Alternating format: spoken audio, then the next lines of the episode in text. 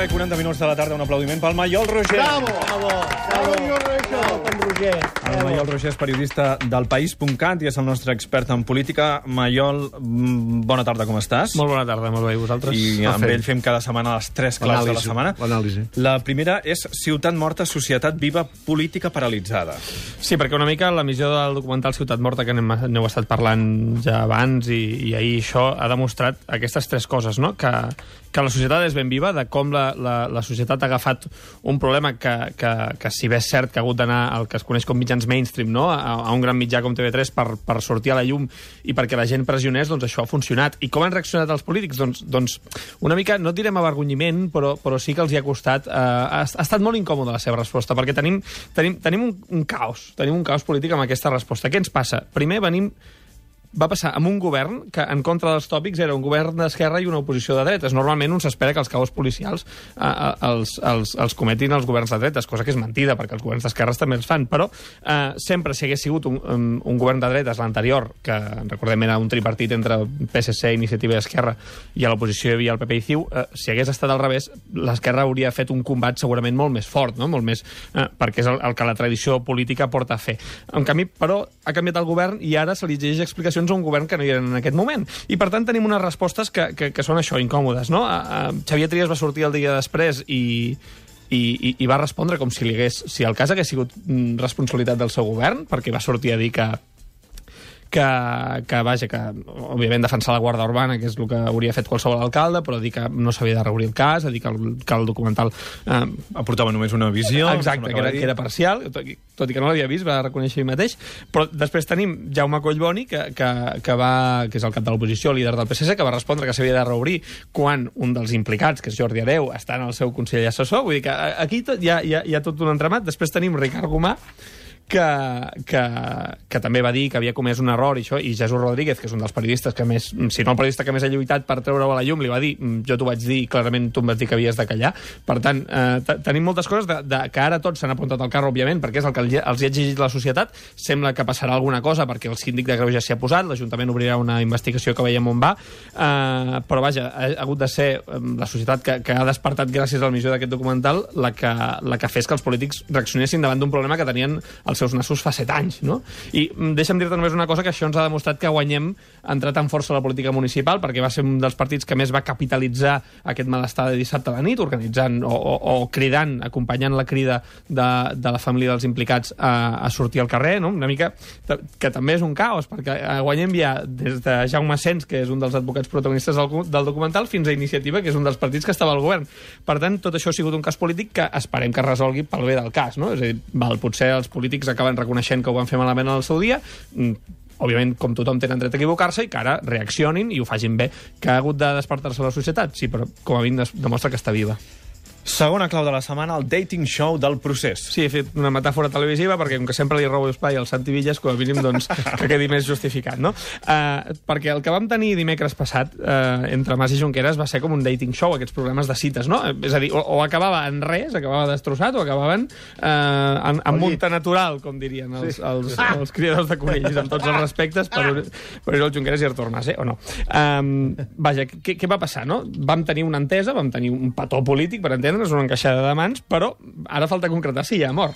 Amor, de moment, no n'hi ha. No ha. És a dir, ni, ni Mas s'estima Junqueras, ni Junqueras s'estima Mas, i la desconfiança, més enllà del que, del que es va signar, si és que es va signar alguna cosa, és a dir, més enllà de l'encaixada de mans, tampoc existeix.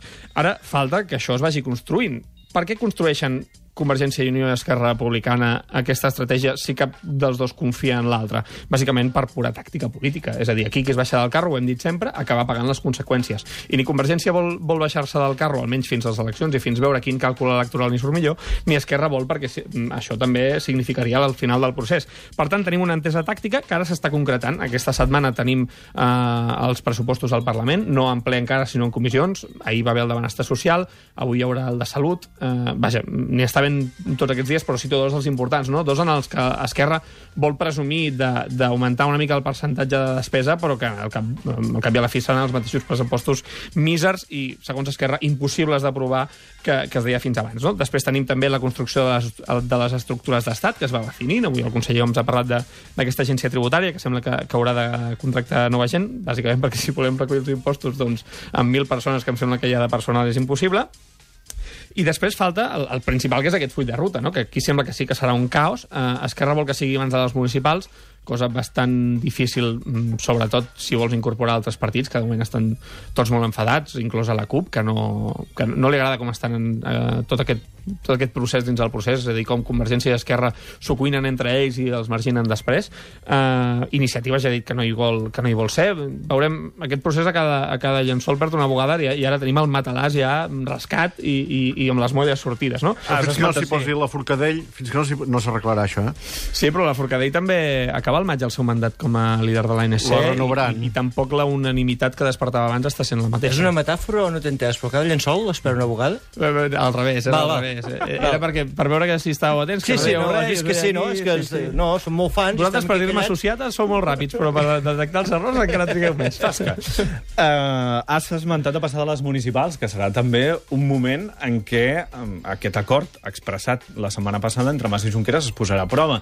Hi havia un compromís mm, molt inconcret també de donar-se suport mútuament a les eleccions municipals, però clar, hi haurà en clara concurrència candidatures d'Esquerra amb Convergència que lluitaran per guanyar. Jo em, jo em pregunto si aquest compromís realment hi era o, o Artur Mas se'l treu o es parla de, bueno, de cara a les municipals haurem de fer alguna cosa eh, perquè, per, per, no, per no esbatussar-nos un altre cop, perquè bàsicament aquella reunió el que, el que sembla que és és eh, ens posem d'acord amb la data i amb les candidatures i després, eh, escolta'm, qui dia passa any empeny, ens hi trobarem ho has dit molt bé, Artur Mas va dir ens entendrem, Esquerra ha dit la independència municipal és sagrada, què passa? Eh, Convergència en molts casos és, eh, està governant, és qui té més ajuntaments i Esquerra aspira a treure molts ajuntaments no en podrà treure gaires perquè parteix d'un resultat molt pobre, però sí que, sí que en vol treure molts precisament en molts llocs fent oposició a Convergència. Si Convergència diu, escolta'm, cada vot esquerra al final serà un vot a Convergència, això per, per la política d'Esquerra és fatal i pels alcaldes de Convergència va molt bé, perquè per votar aquest, vota'm a mi, que sóc l'alcalde i, que, i que saps on anirà el meu vot, no?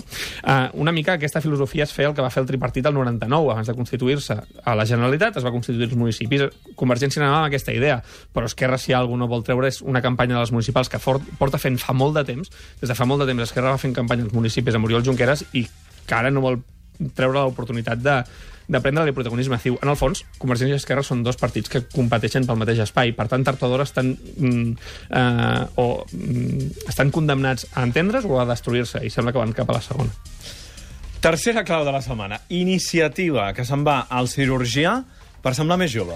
Sí, semblava que això era monopoli del PP, però es veu que no. Eh, com se'n va... Sí, perdoneu, eh? Com, com se'n va a iniciativa al cirurgià? Doncs mm, amb aquest, primer amb aquest pacte municipal que comentàvem amb Guanyem, que segurament el podrem veure en altres municipis, no? Aquesta confluència d'esquerres que iniciativa, cada cop que algú diu confluència d'esquerres, doncs si jo ara ho cridés així, vull fer una confluència Sortiria d'esquerres... darrere. surt- Exacte, sortiria darrere. Aquí seríem la bici de amic repant? meu? Vols ser amic meu?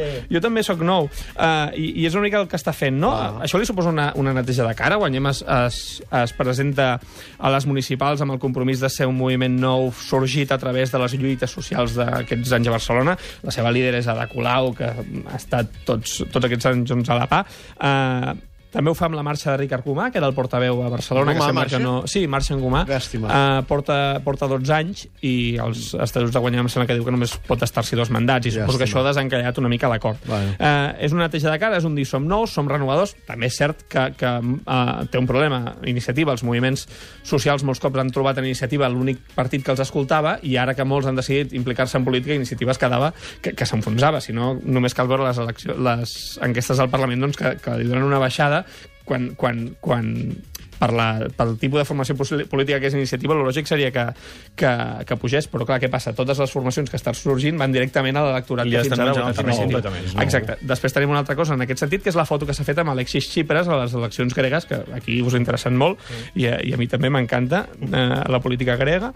Um, I llavors, els titulars han dit iniciativa dona suport a Siriza. Mentida. Aquesta foto és un suport clar a, a Herrera i un, i, un, i un copet a l'esquena de dir el, el, el líder dels moviments renovadors de la política europea, que és Alexis Tsipras, que té moltíssimes possibilitats de guanyar eh, aquest diumenge, em sembla que són les eleccions, sí, aquest diumenge, eh, és amic meu, no? I, és, i està amb mi, i per tant, jo, Iniciativa, també represento una mica el que, el que Siriza representa a Grècia. De fet, eh, si, mm, Iniciativa sempre, des del principi, des de que Siriza va, va aconseguir el segon lloc mm, imposant-se als socialistes a Grècia, ha reclamat aquesta, aquesta política d'esquerres aquí a Catalunya.